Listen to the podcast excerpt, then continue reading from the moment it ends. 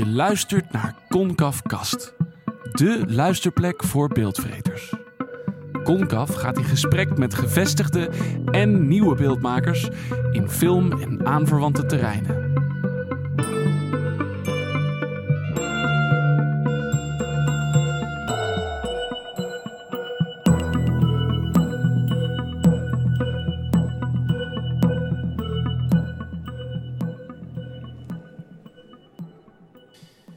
Weet niet wat me overkomt als echte Twin Peaks fan. Zojuist ben ik door een dik rood gordijn geglipt en opeens sta ik midden in de Red Room, een van de belangrijkste locaties uit mijn favoriete Twin Peaks serie. Ik herken de zwart-witte zigzagvloer alsof ik hier al jaren kom, en het is alsof elk moment ook FBI-agent Dale Cooper door het gordijn kan glippen. Echt een heel vervreemde ervaring. Ik waan me in Twin Peaks, en dat terwijl ik nog geen minuut geleden in het Bonifantenmuseum stond. Mooier had hij niet kunnen beginnen, de enorme expositie die het museum heeft gewijd aan David Lynch, de man achter films als Blue Velvet, Lost Highway en Mulholland Drive. En natuurlijk is Lynch ook de bedenker van Twin Peaks, de beste televisieserie aller tijden, waar ik zojuist ook zelf even was. Maar om die kant van Lynch gaat het niet direct in Maastricht. Hier staat niet zozeer het film- en televisieoeuvre van Lynch centraal, als wel diens veel minder bekende beeldende werk. Zo'n 500 schilderijen, tekeningen, lito's, objecten en installaties heeft museumdirecteur Stijn Huids bij elkaar verzameld uit diverse buitenlandse musea en vooral ook uit Lynch zijn eigen collectie. Want het werd hoog tijd, vond Huids, dat ook het Nederlandse publiek begrijpt dat de Amerikaanse grootmeester van het filmsurrealisme in de eerste plaats beeldend kunstenaar is. Ik spreek Huids in november 2018 op de dag van de officiële opening. Ik heb dan nog niets van de tentoonstelling gezien, maar zeg hem dat ik niet kan wachten. Hoe vreselijk het er bij Lynch ook aan toe gaat vaak, hoe gruwelijk de mensen in zijn werk ook met elkaar omgaan, ik vind het eerlijk gezegd heerlijk om me in die donkere, lugubere en toch ook sexy sfeer onder te dompelen. Ik wil daar graag naar binnen, in die wereld. Ja, ja en dat is heel dubbel. Je wil er ook heel erg uit. uh, dus, maar dat ambigue is wat typisch uh, wat voor hem. Het is helemaal. maar wat, wat, wat, hij ook zegt, van die dingen die ik in mijn werk breng, die zitten in de wereld. Onze wereld is gevuld ook met die, die duisternis en dat, ook dat onbestemde. En, en, en, dat geweld en die agressie en de, de erotiek en ga zo maar door. Dat zit allemaal in deze wereld. Dus ik laat niet iets zien wat, niet, wat er niet is. Um, alleen zijn, veel mensen gaan het uit de weg. en, uh, maar een, een kunstenaar kan dit verbeelden en kan die, die die duisternis verbeelden zonder zelf duister te zijn.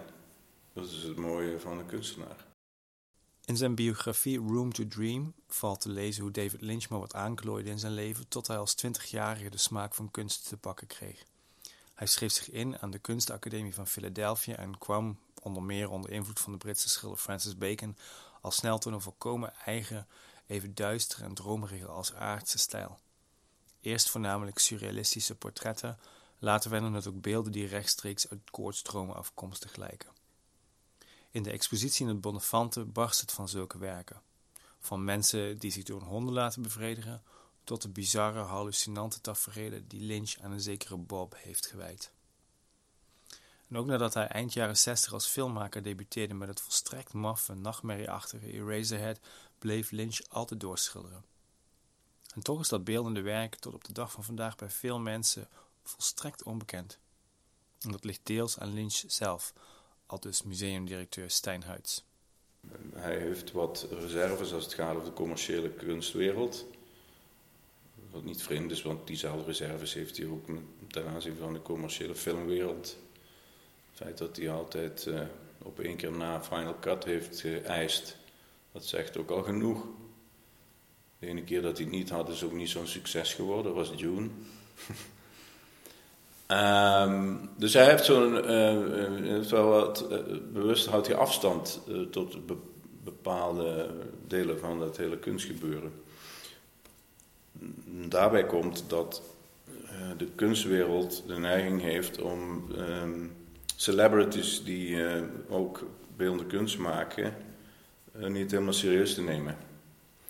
En dat, er zijn natuurlijk voorbeelden te noemen waar we, dat je zegt, nou, die of die celebrity die doet een beetje zonder schilderen erbij, mag geen naam hebben. Maar Lynch is absoluut een uitzondering, omdat hij echt uh, ja, begonnen is als beeldend kunstenaar en altijd uh, beeldende kunst is blijven maken. En als je het gaat, als je het zou gaan uitrekenen, dan heeft hij waarschijnlijk meer tijd in beeldende kunst gestoken de afgelopen 50 jaar dan in film. En um, en hij vindt ook van zichzelf dat hij altijd schilder is geweest, altijd beeldend kunstenaar is gebleven. En ehm, eh, dat, dat, dat, is heel belangrijk voor hem ook. Ehm, eh, hij mist het schilderen als hij niet schildert. En, ehm, maar omdat hij het enorme bullshit vindt dat die kunstwereld de neiging heeft om die dubbeltalenten niet serieus te nemen, is ook een reden waarom die wat terughoudend is geweest. Uh, omdat het, uh, ja, dat, zijn rare mechanismen. En het is voor mij een drijfveer, een van de drijfveren om zijn werk te tonen, gaat daar ook over. Omdat ik vind dat het wel serieus genomen moet worden. En, en dat het kwaliteit heeft wat hij doet. Maar het is, gek, want er zijn in die beeldende kunstwereld mensen die het niet eens kennen.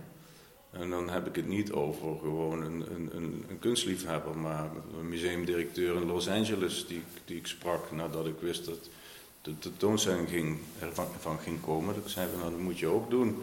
Hij woont hier en zo. Ja, nou, ik heb wel eens tekeningen gezien, was de reactie. Dus dat is verbazend. En als je kijkt wat hij allemaal doet. Aan, media uh, bespeeld. Uh, van muziek ook tot uh, beeldende kunst en lithografie en fotografie en film. En sculpturen, lampsculpturen, meubels maakt. Die heb ik niet in de tentoonstelling, want die maakt hij toch echt voornamelijk voor zichzelf. Um, ja, dat is een, een grenzeloos creativiteit. Er zit geen begin en geen eind aan. iemand die moet creëren de hele tijd. En, eh, en, en, ik zie het dus inmiddels echt als een vloeiend iets. Uh, een organisch vloeiend iets, een geheel. En dat is wel mooi. In de tijd dat hij begon, de jaren zestig zo, was het helemaal nog niet. Uh, dat fenomeen van de, multidisciplinaire kunstpraktijk had je nog niet zo. Nu is het veel ehm, gangbaarder.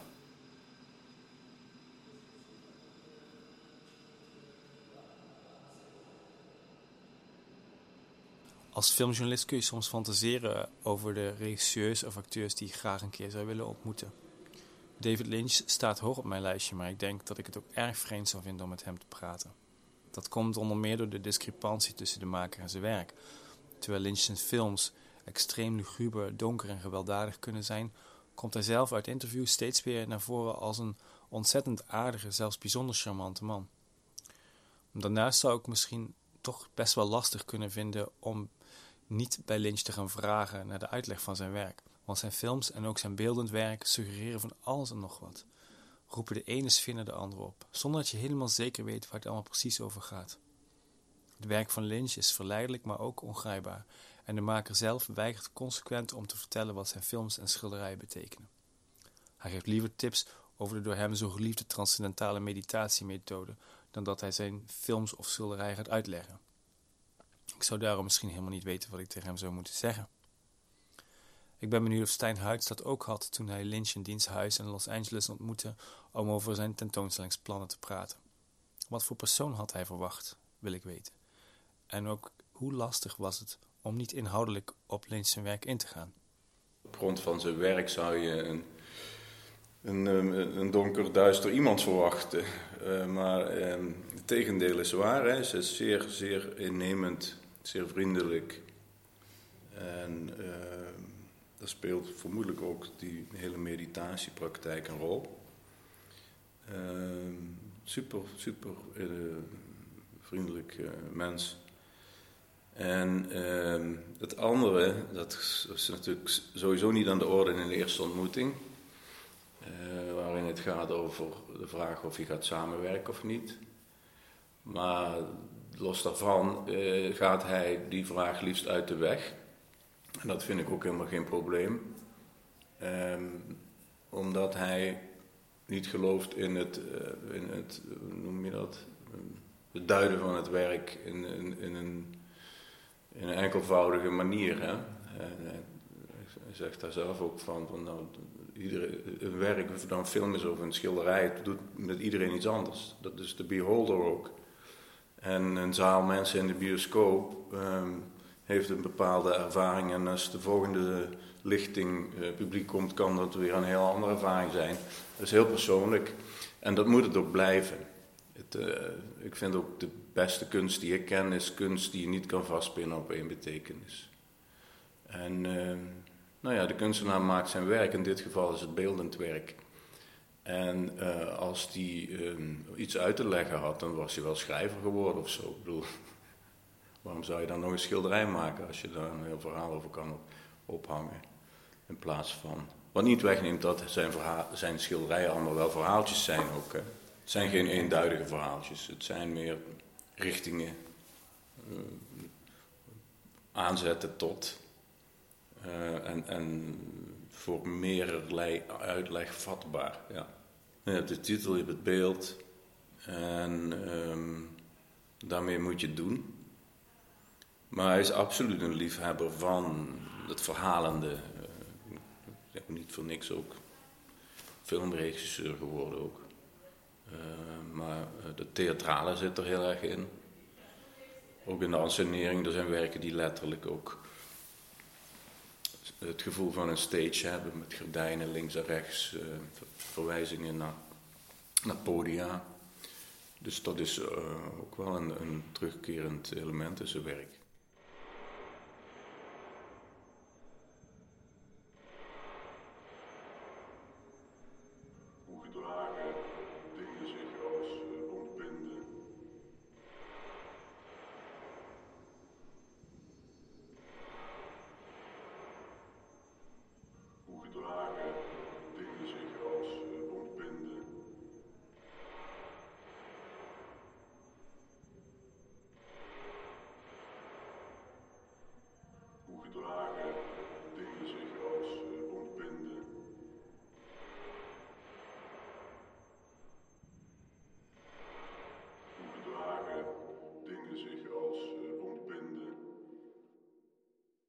Wel erg van organische dingen, die, die de natuur, inclusief uh, met name het verval en uh, hoe gedragen dingen zich als uh, ontbinden.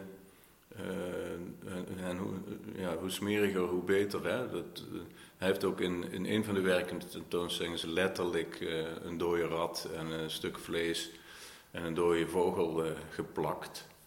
En dat vlees heeft hij ook nog eens eerst laten bewerken door een een nest mieren. En vervolgens zijn er nog maden in terechtgekomen. Nou, dat vind je in die documentaire terug, Pretty as a Picture. Vertelt hij daarover en dan zie je dat ook gebeuren. Maar dus in die liefde voor texturen, die is heel duidelijk uh, aanwezig. Um, organische dingen. Hij zegt ook wel eens, ik zou graag met schilderijen willen bijten. Dat doet hij dan niet omdat er lood in die verf zit. maar dat geeft wel aan dat ook het kinderlijke zoals kinderen ook zich lekker in de modder kunnen wentelen. Uh, zo, zo doet hij dat ook als hij met zijn beeldende kunst bezig is. En heel erg met zijn handen tactiel, in plaats van met, met, met kwasten. Um, het, het ruwe, de crude, bad painting waar hij het over heeft. Slechte kinder, schilderkunst zoals kinderen ook slechte schilderijen kunnen maken. Maar slecht is een relatief begrip. Ook weer de beholder degene die kijkt, die kan bepalen dat het een slecht schilderij is, omdat hij uh, academisch uh, achtergrond heeft in de schilderkunst. Maar dat is natuurlijk allemaal, er zijn, zijn vele waarheden uh, mogelijk. Hij doet in die schilder, in die beeldende kunst heel veel dingen die echt not done zijn in de schilderkunst. Het komt bladgouden, vette lijsten, uh, combinatie van textiel en fotografie en verf en klei en kun je wat allemaal. Um, ja, teksten erin. de hardcore schilderscholen gaat heel erg toch over evenwichtige composities en kwaliteiten, kleuren. En, nou, het laatste waar hij bezig mee is, is kleur. En, uh, het is toch allemaal heel erg de aardetinten, het zwart en het grijze. Alhoewel er de laatste tijd wel iets meer licht uh, in de tunnel komt. Um, hij zegt wel dat naarmate je ouder wordt, dat het leven wat um, meer een spel wordt in positieve zin of zo. Dat soort uitspraken doet hij wel. Misschien dat het daarmee te maken heeft, maar I don't know. In 1967 kreeg Lynch voor het eerst zin om ook films te maken. Hij vertelt daar in interviews en zijn biografie graag een bijzondere anekdote over. Hij werkte in zijn atelier aan een schilderij van een tussen de struiken staand figuur toen hij een briesje voelde en het doek opeens leek te rimpelen, alsof het schilderij letterlijk tot leven kwam. Op dat moment werd de filmmaker in Lynch geboren. Opeens had hij zin om zijn schilderijen te laten bewegen. Als ik naar Maastricht ga, hoop ik natuurlijk dat ik dat allesbepalende schilderij van die man in de struiken ook zelf kan zien. Maar helaas, Steinhuids moet me teleurstellen. Het schilderij van de man in de struiken lijkt verloren te zijn gegaan. Alleen de anekdote is overgebleven. De volgende stap hebben we wel hier en dat is uniek. Dat is namelijk het werk Six Men Getting Sick. Dat was het eerste schilderij, een relief, geboetseerd. Het eerste werk waarin hij bewegend beeld combineerde met zijn beeldende kunst. Daadwerkelijk. En het is uniek dat we het hebben, want het is nooit eerder buiten de VS in een museum te zien geweest. En dat is uit 1967. Het is een, een, een paneel met de drie koppen. Dat zijn afgietsels van uh, twee zijn een vriend van hem en één is zijn eigen gezicht. En daaroverheen projecteerde hij, dus is afgegoten in, uh, hoe noem je dat? Een polyester. En daaroverheen projecteerde hij een 16 mm film. En als je dat korte film kent, dan heb je dat ergens op internet gezien. Um, uh, maar het is niet correct om het zonder het paneel te tonen. Dan, dan heb je niet het echte ding. Six Men Getting Sick is en blijft een bizar werk, zeker wanneer je het op ware grootte ziet, compleet met projectie en geluid. Fascinerend en ook afstotelijk die half abstracte kop die maar door blijven kotsen. En dan die alsmaar loeiende sirene, om op een heel goede, Lynchiaanse manier knettergek van te worden. Maar het is ook heel bijzonder om in Maastricht oog in oog te staan met het werk waar dat fantastische filmoeuvre van Lynch mee begon. Dit, dus ik heb het over Six Men Getting Sick, is echt het snijpunt tussen zijn schilderijen en zijn cinema. En misschien moet ik die twee kanten van Lynch zijn werk ook niet tegen elkaar afzetten. Misschien liggen ze vooral in elkaars verlengde. Daarom mijn vraag aan Stijn Huids: wat verbindt Lynch zijn films met zijn beeldende werk? Nou ja, dat, die dualiteit, hè. Dus uh, die dat steeds is tussen de realiteit en de oppervlakte. Uh, en de oppervlakkige uiterlijk, koek- en ijsveren en de, de onderhuidse, de andere kant de onderhuidse dreiging en duisternis. En, um, de, en dat is een rode draad die je tegenkomt in zijn uh, filmisch werk en ook in zijn beeldende kunst. En ik vind dat hij daar ook verbazingwekkend uh, consistent in is geweest. Als je bijvoorbeeld naar Eraserhead kijkt en je kijkt naar de laatste Twin Peaks dan zie je eigenlijk heel, dat heel veel dingen hetzelfde zijn gebleven. En, en ook heel veel dingen puur beeldende kunst zijn, of videokunst. Dus episode 8 van de nieuwe serie, dat is eigenlijk, zit je naar kleuren te kijken en denk je van wauw, wat gebeurt hier allemaal? Maar ook het geluid hè, in die films ontzettend belangrijk. En ook een constante factor gebleven. We hebben, we hebben, een aantal werken waar geluid bij is. Dat vroege ding uh, Six Men Getting Sick. Is geluid bij. Dan hebben we Fire, dat is een animatiefilm die hij heeft gemaakt naar aanleiding van een muziekstuk gecomponeerd door Marek Zebrowski. Dat opnieuw is opgenomen door de Philharmonie Zuid-Nederland. En die opname die, uh, die hebben we bij het werk nou. Dan is er een nieuwe kortfilm die heet Anthead. Die hebben we in de tentoonstelling, daar is geluid bij. En in de, laatste, van de laatste zalen is ook nog een bank waar je kan zitten en uit een menu kunt kiezen van audiowerk dat hij heeft gerealiseerd. eh, Of wat bij zijn films hoort. Of, ja.